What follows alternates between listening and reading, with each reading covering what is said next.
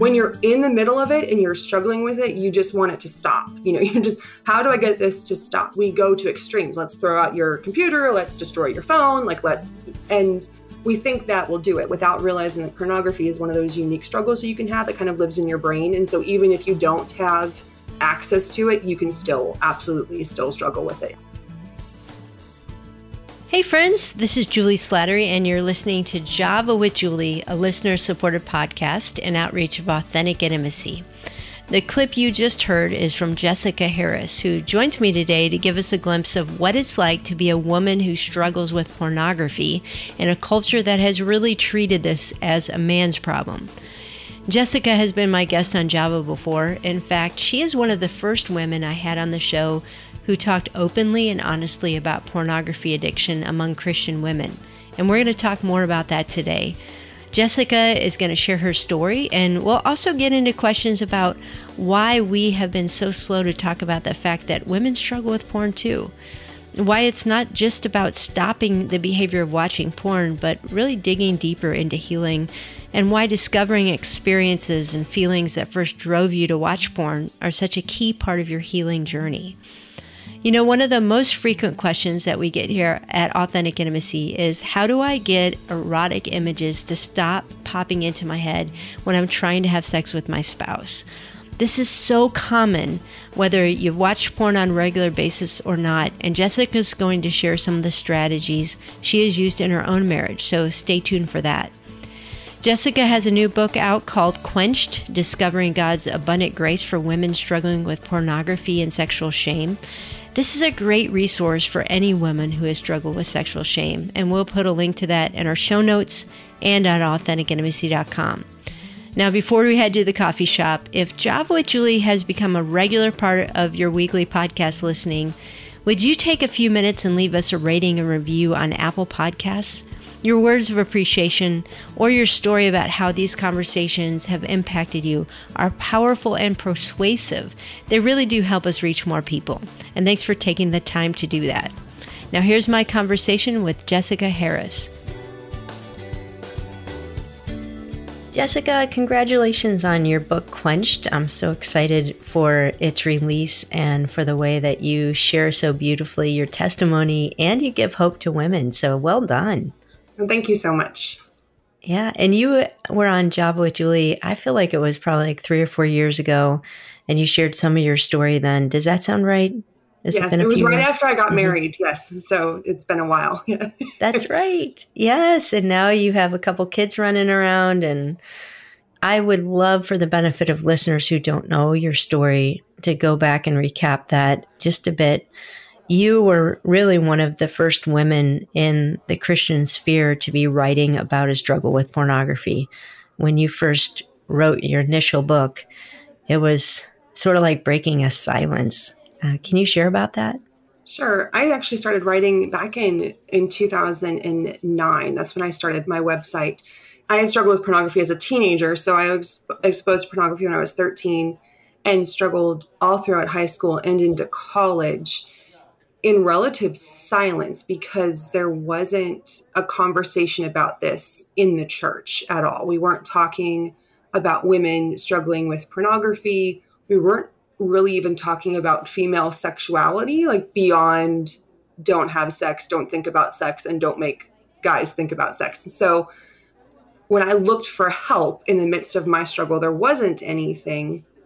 I share it in my initial book, my original book, that there's just different things that happened that just compounded that shame for me and truly made me feel like I was the only woman in the world who had ever had this struggle. And then I was in a situation where people said, actually, we know that Christian women do have this struggle and we, we want to help you if you do. It was at college and um, the second college that I went to, and the uh, the dean staff just was open and honest about it, and I found freedom because of that openness and that honesty. Mm. It was a journey. It was like two years. It really took me of, of work to feel like I was finding freedom from pornography. And then when I went to look for resources, thinking, well, surely somebody has said something about this by now, there still was nothing. And that just blew my mind, but it also terrified me because I was like, I don't want to be the first person to say something about this. Like, I wanted to move on with my life and never have it be brought up again. The idea of being the person who starts talking about this was not an attractive one to me at all. So it took me a little while and a little convincing on the part of God and other people mm. to help me see that there is good work to be done in sharing that part of my story and in helping women find freedom. And so it's been goodness, almost 14 years since I I started and it's been a, a fun and challenging journey for sure. But it's it's exciting to finally have a, a book coming out into the mainstream on this topic for sure. Mm-hmm. Yeah, well, thanks for sharing all that. And we'll dig it more into your story and pieces that you just shared. But if we do the math, I'm guessing that would have put you right in the middle of purity culture. Like you kind of grew up with that message. So there's a lot of conversation around purity culture today. But I wonder how that messaging and that presentation of biblical sexuality impacted you as a woman who was secretly struggling with pornography. Sure. I think first, one of the things was because it wasn't a holistic, the purity culture wasn't really a holistic approach to sex and sexuality. It was, I feel like it was very targeted at the act of sexual intercourse. So, like, do not have sex. Well, mm-hmm. pornography to me wasn't sex. And so I kind of justified it in my mind of this doesn't count and this is okay because what God cares about is whether or not I'm a virgin, you know. And so I, I'm going to keep that. I'm not going to get any STDs. I'm not going to get pregnant. This is safe. And so it's almost like the absence of a holistic and healthy conversation about sex in the church almost created a, a gateway kind of for porn to find a loophole, if you will, of like, well, this doesn't exactly count. And so this is still safe.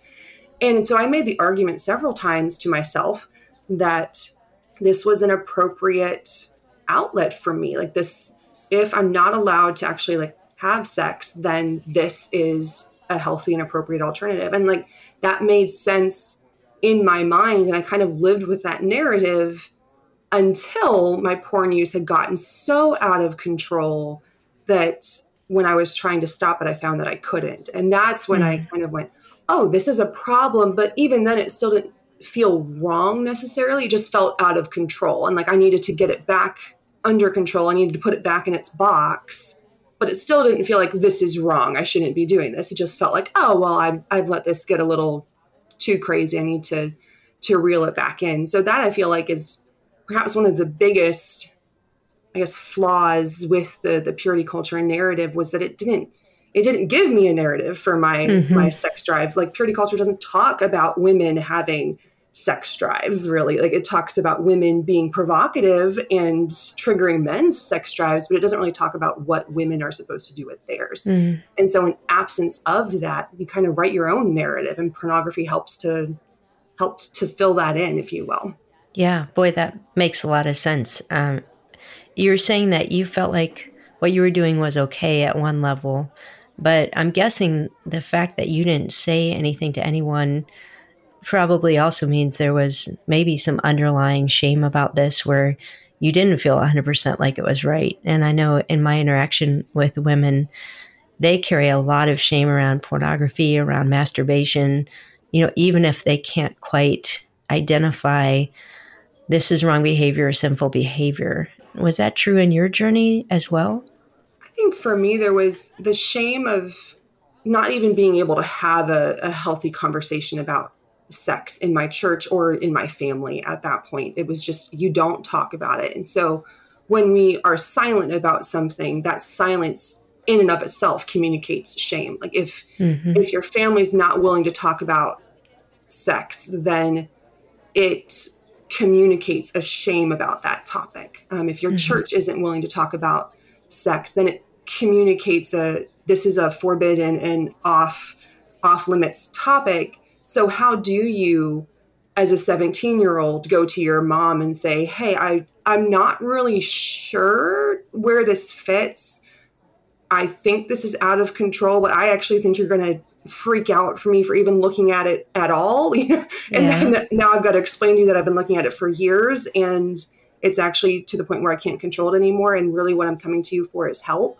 but I don't feel like you can help me because we never talk about this. And so I, I think it's more the silence that communicates like this is taboo and this is off limits and we we shouldn't be talking about it and it's forbidden. And so you feel as a woman who struggles that you've like crossed into this kind of like forbidden territory and you kind of go, what do I do now that I'm here? Because it doesn't necessarily feel wrong, but I feel wrong for being here and I don't know how to navigate that at all. Mm. Boy, lots of confusion. Yes. Yeah. Well, we have, in many ways, we're moved beyond purity culture in good ways and in bad ways. And young women today that no longer have that silence around sexuality are finding themselves still struggling with pornography. Probably, I think the research would show to a greater degree. And so, um, the message of sexual freedom and sexual exploration, pair that with the smartphone and the internet and everything else. And a lot of women are struggling, particularly within those younger generations. Mm-hmm. Can you help me understand just how talking about it isn't just enough? Like there's still going to be struggle even if we do break that silence?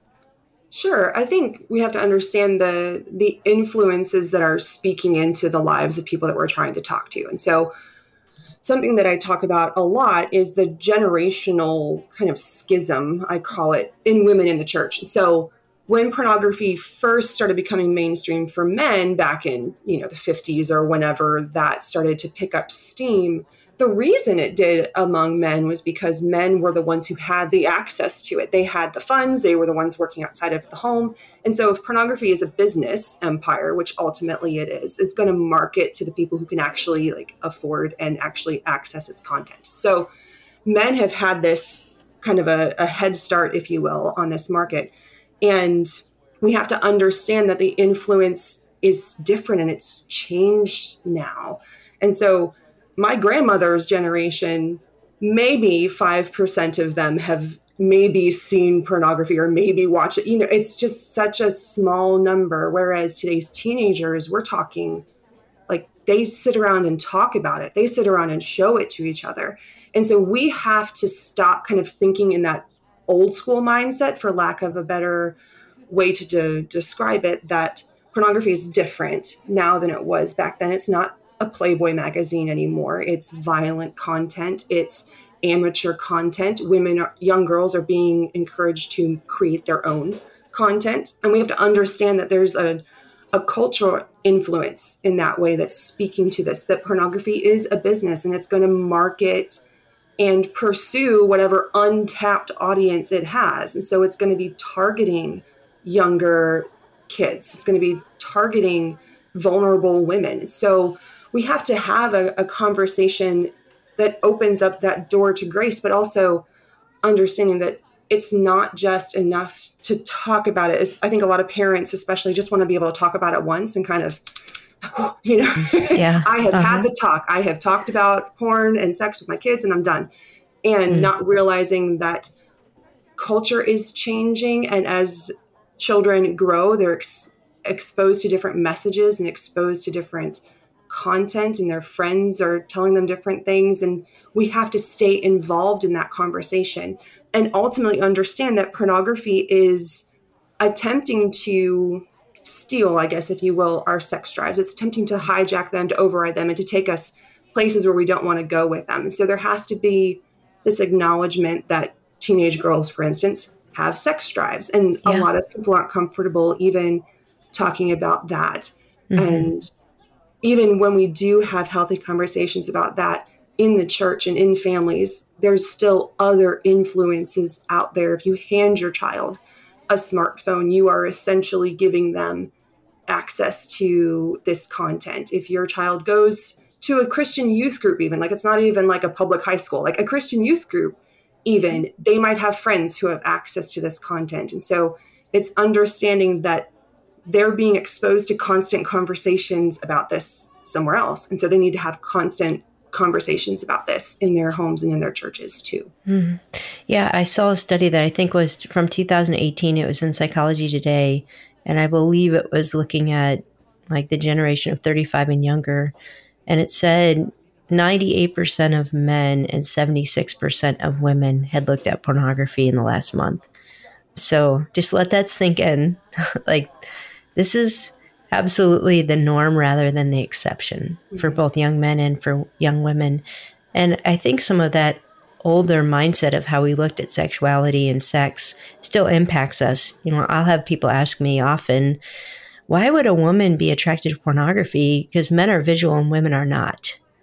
So, how would you respond to that? Because that's a narrative that a lot of parents are working with. I've got to help my son deal with pornography, but it really shouldn't be a struggle for my daughter. Right. That's a holdover, I think, from that older mindset, and not like older people, but like older generation mindset that men are the only ones who struggle with this. And so, when the church and people were trying to come up with reasons why men would struggle with this as a way to kind of help I think destigmatize it for men and help men come forward and find freedom and hope way back in the day.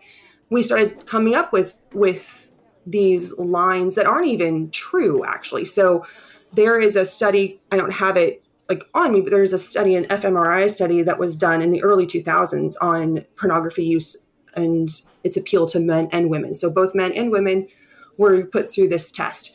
And they found that men and women were aroused by pornography in exactly the same amount of time. So I think over the years, because the narrative has been, well, men struggle with this because they started first, kind of, men struggle with this.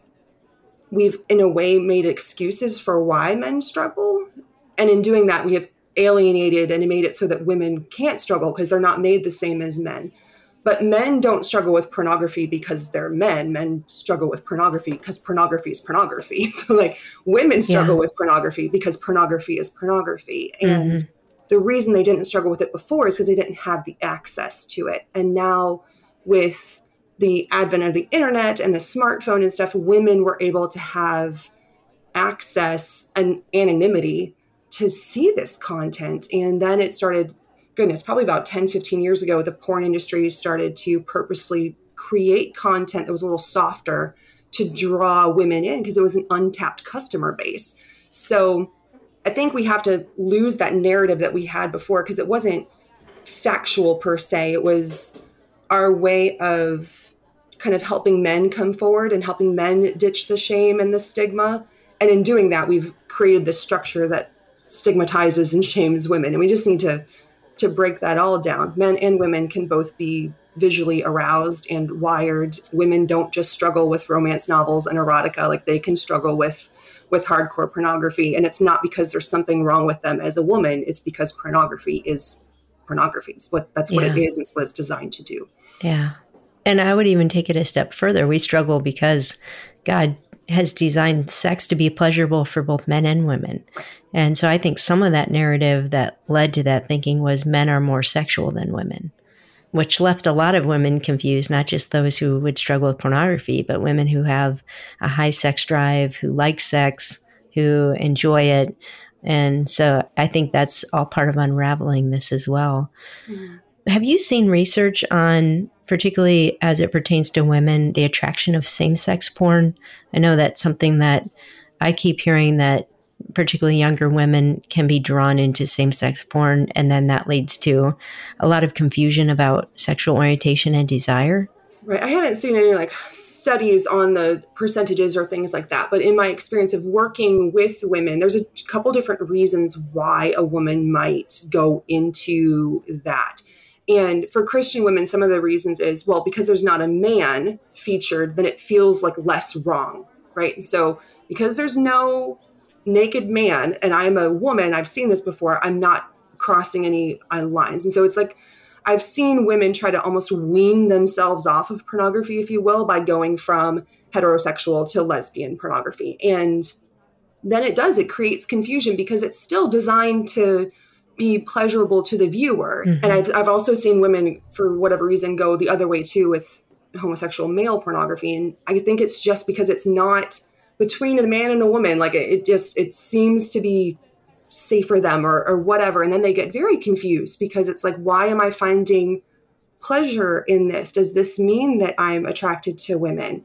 And I think mm-hmm. women can even have that question when they're watching just heterosexual pornography because of pornography being mostly filmed from a, a male vantage point the woman is essentially watching the woman, you know. So, and, and she's getting pleasure from that and confused by that. Yeah. And the other thing I might add, just as a, a theory on top of that, is the importance of novelty for sexual arousal.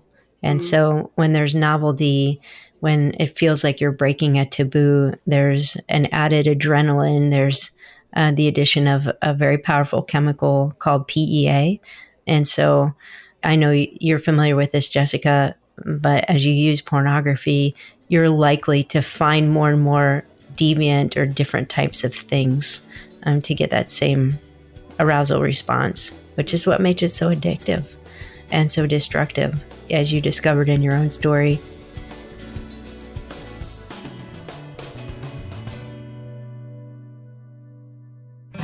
Are you looking to understand how past events, culture's teaching, and maybe simplistic religious rules have led to wrong expectations for your sex life? Do you want to understand God's purpose for sexual intimacy in your marriage? Friend, it's time to invite God into your marriage as your Redeemer, your counselor, and your healer. I want to encourage you to check out our newest resource, the God Sex and Your Marriage curriculum.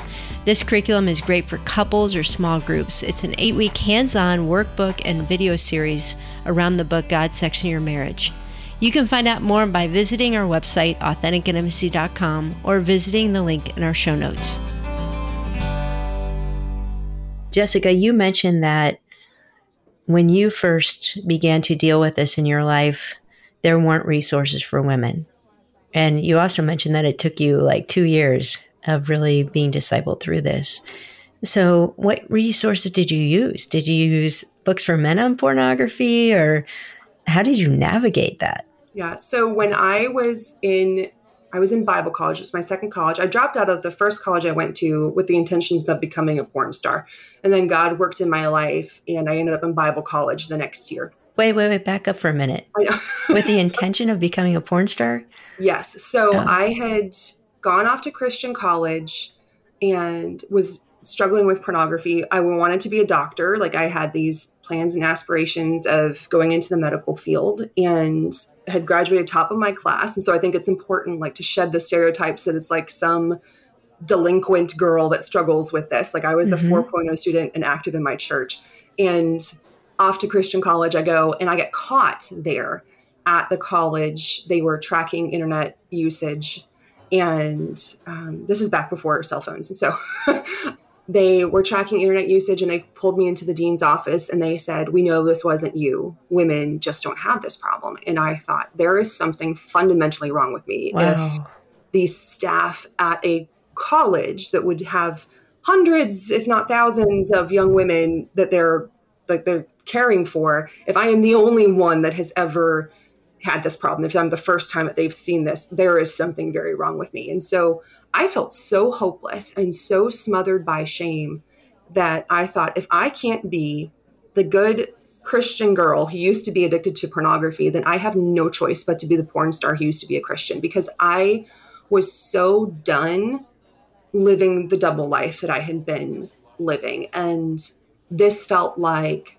kind of like the final nail, if you will, of you will never be able to get out of this. And I thought, if I'm never able to get out of this, then I'm done. And there are some women in the world who get this, and those are the women who are in it. And so it felt like that's the place where I belong and where people will understand me. And so I did. I dropped out of Christian college, like going to be a doctor, and thought I have to be a porn star. Like it just, it's not like I wanted to be. It wasn't like I had dreams and aspirations to be one. Whereas that's something that's different now where you do have young women who do aspire to that and do want to be like that. But I did not have that. I just felt stuck. Like I felt like I didn't have any other choice. So thankfully it's not as easy as like applying for a job online. So yeah. as much as I tried, I was never able to quite figure out how to get into that i was i did start a relationship with a complete stranger online and like looking back knowing what i know now and all of the news stories of young girls who go off to meet somebody in the dark of night and disappear and all that i know about human trafficking and sex trafficking like i look back at 17 year old me and kind of want to like strangle her but but wow. i sent all of my information to a complete stranger online i sent him mm. photographs like I did things that I say girls have been killed for less. Like I Yeah. made so many choices that I'm, and I'm like I'm not stupid, but like I Mhm. was so desperate and so broken at that point that it just felt like this is what I have to do. Like this is where I'm stuck. So Did your family know about this at this point?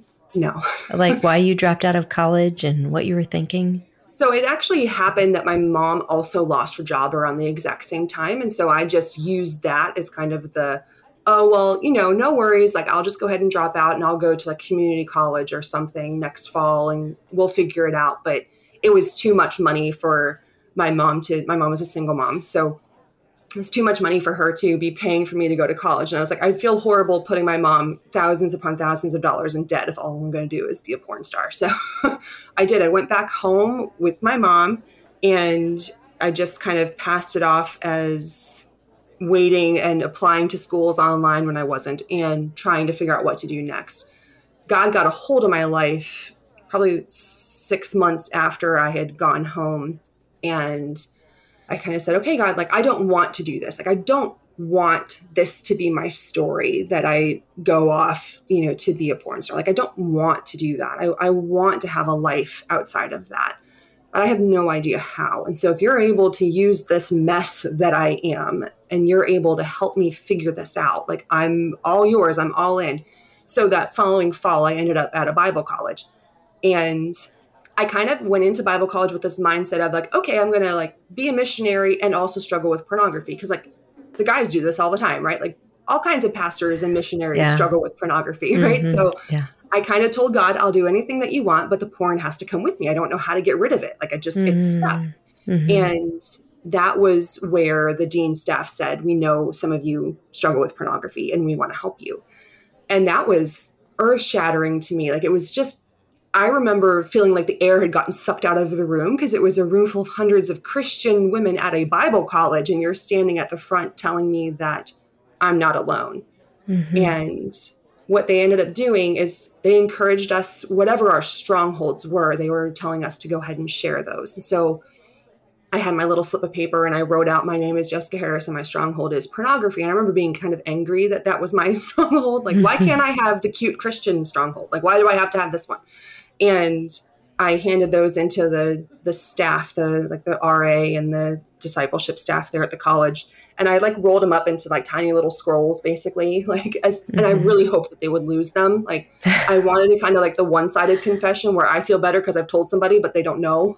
yeah. and I remember like I'm just crying because I'm thinking like this is it. This is like now I am confessing that this is a problem. Like I got caught the year before, but now I'm confessing. And if confession doesn't work, I'm toast. Like I don't know what.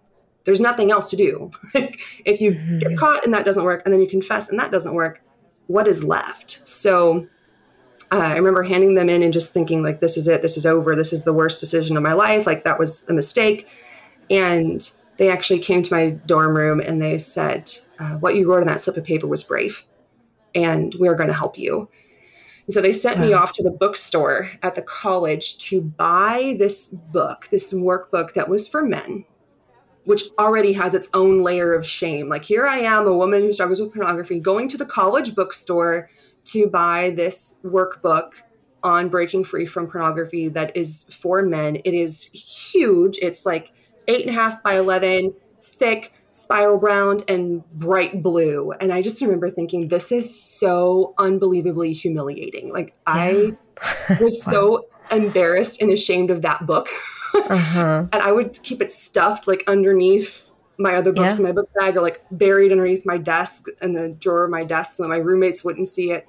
And I remember seeing the corner of it in someone else's book bag in class and just thinking, oh, that's the book. Oh my goodness, she struggles too. And, and Oh but that's the, the content we had to work through. So, um, and then I met with our dean of women. I think it was weekly to work through the next lesson in this workbook. So yes, it was a workbook for men.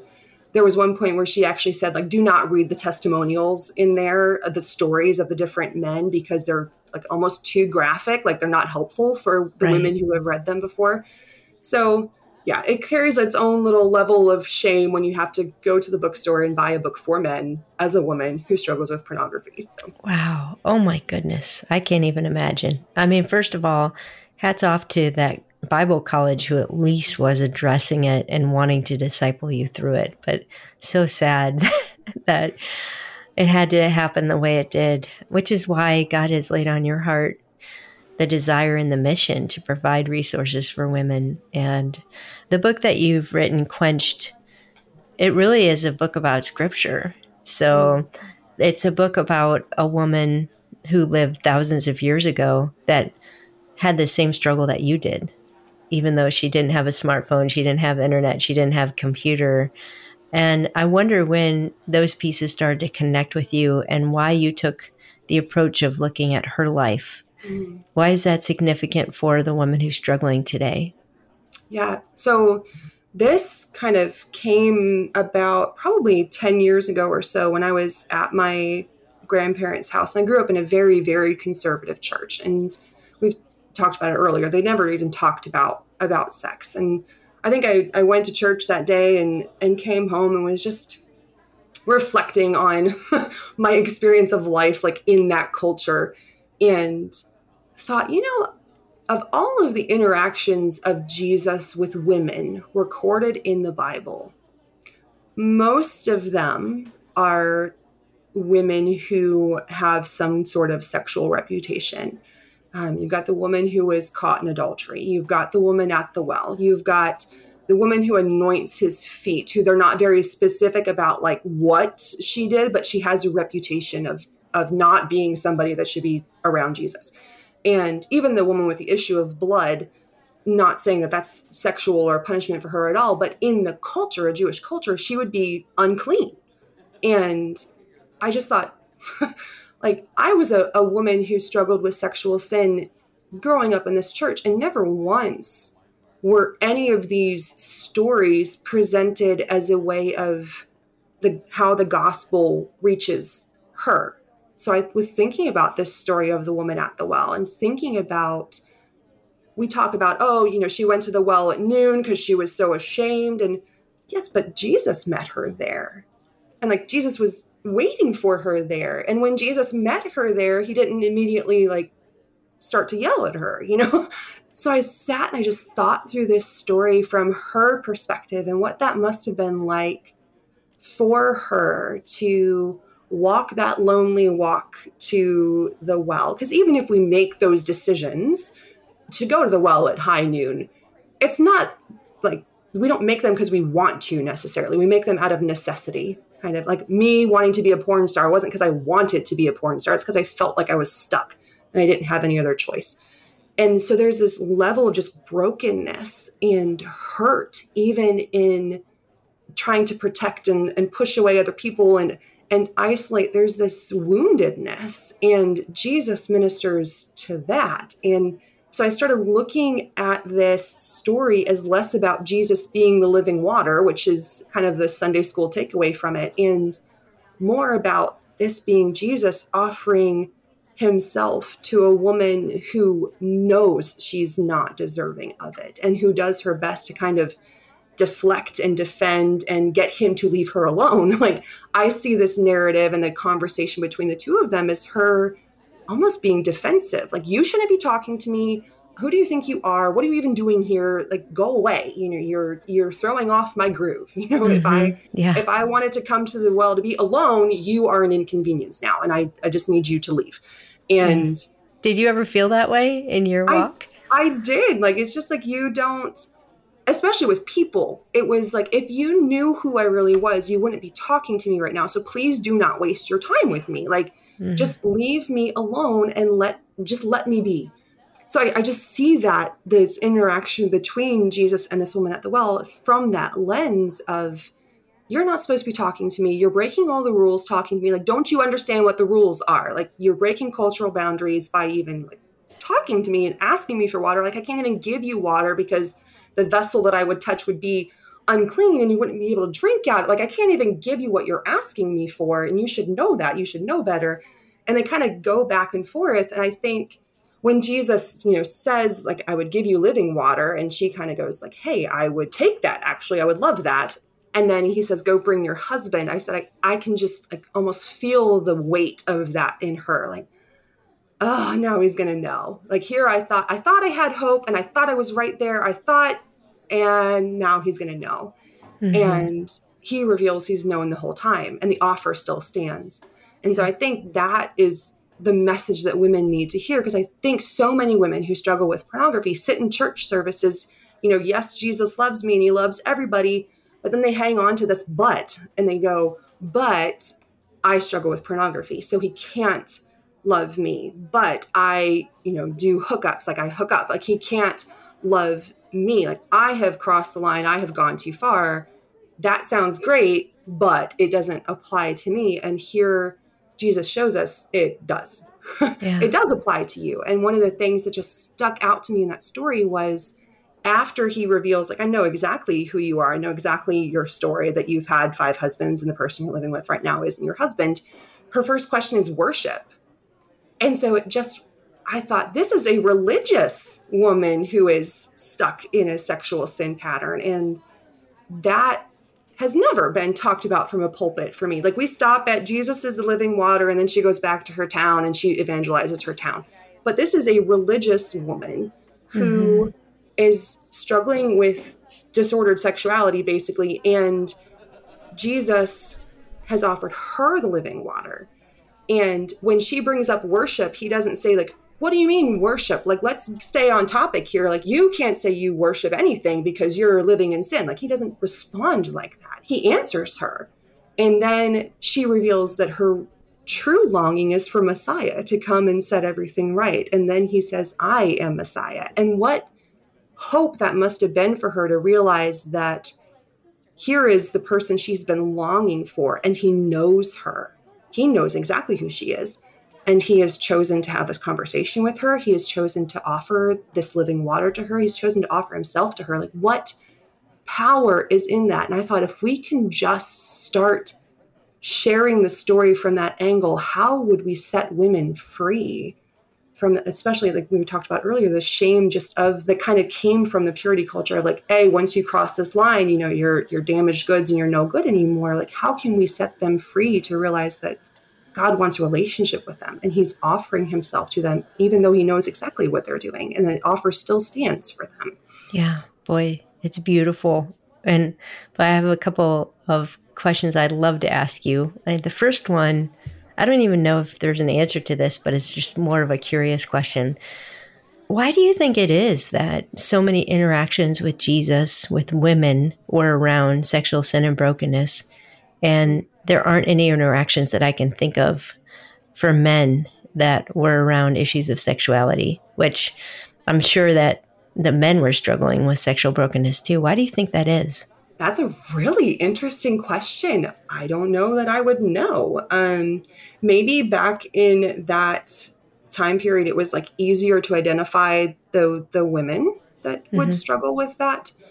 But yeah, that's a really because you have like some of the epistles will talk about you know the debauchery and things from right. other like pagan worship systems. But as far as Jesus interacting with people, yeah. I don't know. That's a very. I have to think about that one more. Like even his disciples, I I wondered like did any of them struggle with lust, with masturbation? Like surely they did. Why don't we have an interaction about it? But I don't know. I'll keep thinking on that one. You keep thinking yeah. with me. Maybe we have to wait to heaven to find out. Um, but, you know, one of the things that I love about the way that you have connected a woman's struggle to this woman at the well is you're talking about the underlying longings and mm. the journey.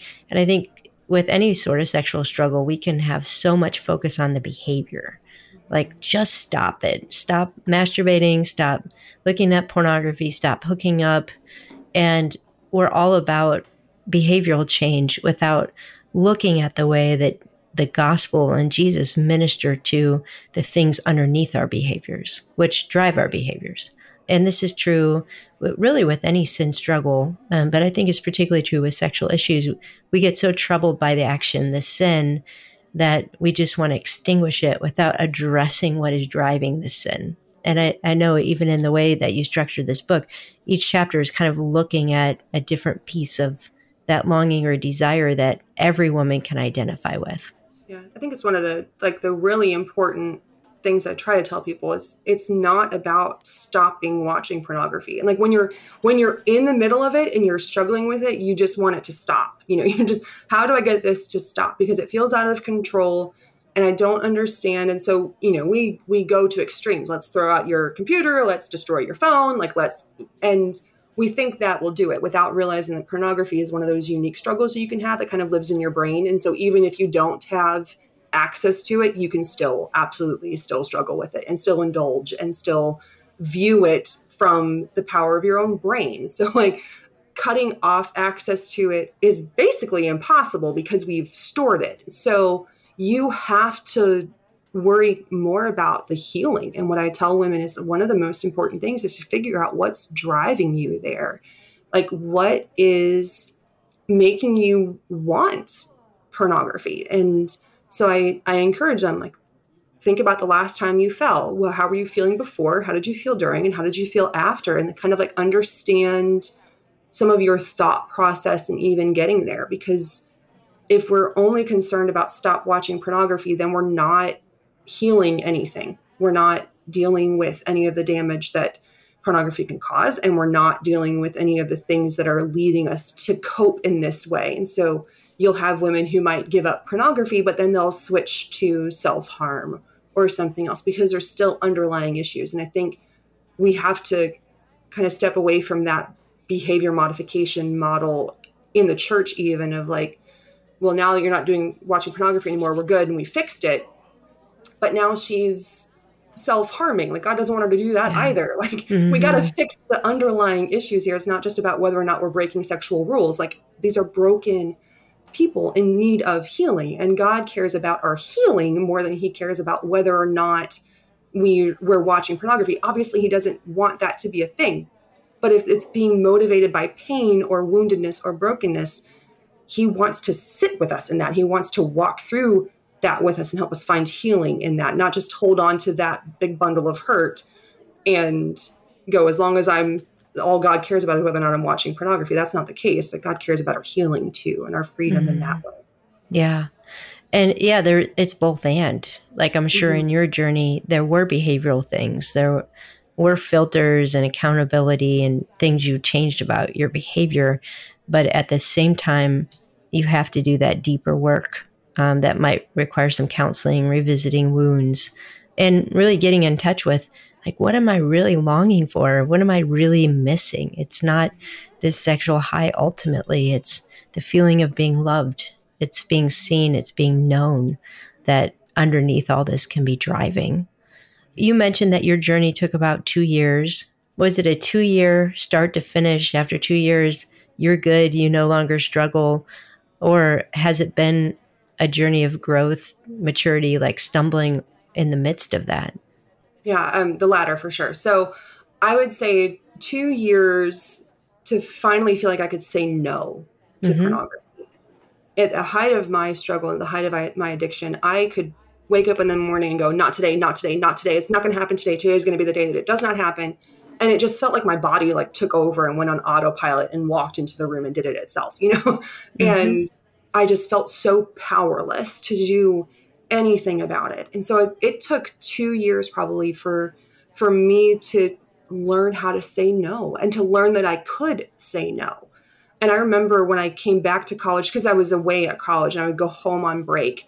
And when I would go home on break, that's when I would fall hard. Mm-hmm. And it was like every break I, this is it this is it i'm going to do it i'm going to read my bible every day like i'm going to i'm on this i got this and i would go home and i would not i would not have it i'd be back in the same systems back in the same like circumstances the same setup my family still didn't know that this was a struggle for me and so there were no safeguards at all and i would right back in so i remember coming coming back to school from one of the breaks where i had done it i had made it all of break and i walked into student registration or whatever it was, like check in for the college. And one of the dean staff who had been working with me, she looked at me and she said, You did it.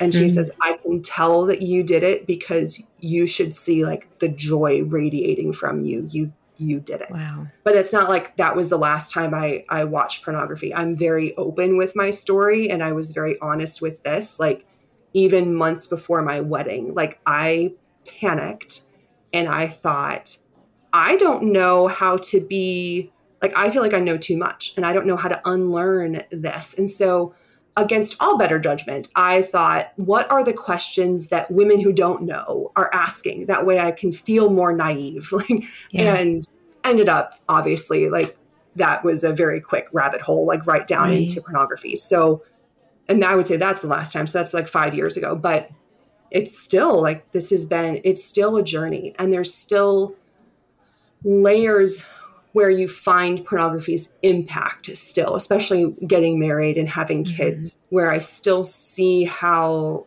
that past in pornography has impacted things. And every time I find one of those, I have a choice. I can respond to that in shame and go, oh, I've done this to myself. Like I'm a horrible person. Like if I hadn't done, like, or I can go, okay, God, like how do we work through healing in this area? I want this newly discovered area of woundedness to be healed. Mm-hmm. So I think it is, it's a long journey and freedom is kind of something that you find new levels of as you heal like oh now i'm free from body image issues or now i'm you know free in my marriage. Like what does this it changes and it looks different as you find new things to heal through. Yeah. Boy thanks for being so vulnerable with that. It's so important for women to know that. Mm-hmm. it is an ongoing journey and the enemy will try to accuse you when you stumble and feel like you're back to square one, you're not back to square one. It's falling forward. Um, yeah, one more question. I wish we had another couple hours. We'll have to do this again. But one more question for this conversation that I know a lot of women struggle with. How did you learn, or are you learning, to focus on pleasure with your husband in marriage when you have all these images and kind of neural pathways that take want to take you back to pornography? Oh my goodness. That is such a powerful question because I don't think I was prepared for that when I got married, right? So I had been free of pornography for years and I had heard from other married women who were like, you know, this is really hard for me. Like, I really, really struggle with kind of reverting back there when I'm with my husband. And I thought, oh, that's not going to be me. Like, I got this. And uh, I was honestly shocked to find that that was something that does happen in our marriage. And so having an open honest conversation here. So we tend to keep the lights on. I know a lot of people like tend yeah. to like have lights off, but we mm-hmm. tend to keep the lights on because I have like a visual background, like a visual arousal template. Like being able to see what's going on helps me stay present. In mm-hmm. the absence of that, then my mind is left to fill in the blanks of what's going on. And my husband and I are just four and a half or not even four and a half years married. So I don't have, you know, 15 years of him to override the years of pornography that I've had. So we tend to to keep the lights on. I tend to like make myself keep my eyes open just because if I shut them, then I know I'm more likely to kind of like my brain's more likely to wander. But there's also an honesty with him too he knows that this is part of my story. We have talked about how it affects our marriage. We went to counseling together before we even got married and talked to somebody who has worked with women through this and worked with women through sexual trauma. And she encouraged us to kind of view it from that mindset of like, view it more like sexual trauma as versus a, a former addiction that it's all your fault. View mm. it as like a sexual trauma where like unwanted images or unwanted memories can creep into these areas and how do you support each other and work through that together? And so i think having that different narrative for it helped it not to be so shameful you know? Yeah. Where it's not like honey i'm really I, i'm thinking about all these porn videos i watched where it's more like i'm having a hard time like staying present in this moment. Can we back up a second so that i can like kind of come back to earth here? Because we've gotten ahead of my brain's not in the same spot. And so just being able to have that honesty and that openness about that in our relationship, I think is super helped. And again, just if visual is your trigger, kind of, if that's the void you're filling, I guess, then like try even harder to stay present in that way in marriage. So, like I said, we lights on and I try to keep like aware visually of what's going on around us in our space because if not, then my mind will fill in the gaps when there doesn't need to be gaps because right. I'm with a real live person mm-hmm. who loves me hmm. right now. I don't need gaps. So, mm. boy, great strategies. Thanks for sharing those. If a woman is convicted right now listening to you share and wants freedom, what would you say is her next step, her first step? Yep. Um, first step, I always tell people is you need to tell somebody. And it's not out of shame. I think we have this idea of confession that's like the crime scene confession, you know, like, like come forward and for your punishment, like turn yourself in. And that's not what we're going for here. It's more when you share with somebody, you are taking the first strike against shame because shame is all about silence and isolation. And so when you reach out to somebody and you say, This is part of my story, you are bringing the light into that area of your life. So I would encourage women find somebody safe and somebody that you know, like what women will do is they'll go, well, nobody's safe to tell this to. And when they have very safe people in their lives. So try to be very objective about this and not let fear tell you who's safe and who's not. But if you have a, a godly woman in your life, especially um, who just loves the Lord and who you know to be gracious and you know to be compassionate and you know to be wise, just go to her and say, I'm not expecting anything of you right now. We can talk about what this looks like later, but I just need to tell somebody that this is part of my story and this is what I'm struggling with right now. And whether that looks like the start of an accountability relationship with somebody, or if it looks like a friend to go with you to a counselor to be able to talk about it. But just tell somebody because when you convince yourself that you have to fight this alone, you are going to lose. Like, and you might be able to will yourself into some kind of freedom but the freedom that God calls us to is one that is in community. It's one that is with other people. Like part of pornography and its problem and shame is that it just isolates us and it drives us into ourselves and it it cuts us off from relationship with others. And so your first step in healing is to not be afraid of other people. It's to go forward and say, I think you're safe. I think you're godly. I think you're wise. And I'm going to tell you that this is something that I'm really, really struggling with right now. And I don't know the way forward, and you might not know the way forward. And that's fair because no one's really talking about this, but I needed someone to know that this is what's going on. You would be surprised the number of women who finally take that step and either the woman they're talking to has the exact same problem or they know somebody who's had the same problem or they respond in grace. Like fear is always going to amplify the worst possible scenario. So i would encourage women like take that step in faith instead of going well what happens if she calls my mom? And what happens if she tells the pastor? What happens if all you know all these possible bad things happen?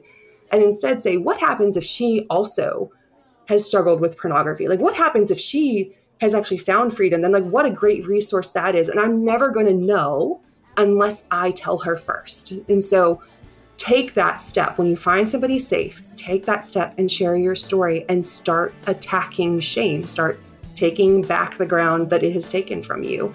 And part of that ground is community and relationships. Well, if you take away just one thing from our conversation today, I hope it's this. You can't fight this battle, let alone win it, in secret. Whether you like it or not, God brings healing within the context of relationships and community. Share your struggle with a safe friend or counselor. Jessica did, and now she's sharing her story with you to give you the courage and hope to bring the light of God's truth and love into your darkness and shame. Will you accept the challenge? I'd also encourage you to pick up a copy of Jessica's new book, Quenched, and also look for some helpful blogs we've linked to in our show notes, or just visit AuthenticIntimacy.com. Thanks for listening, and I look forward to having coffee with you next time on Java with Juli.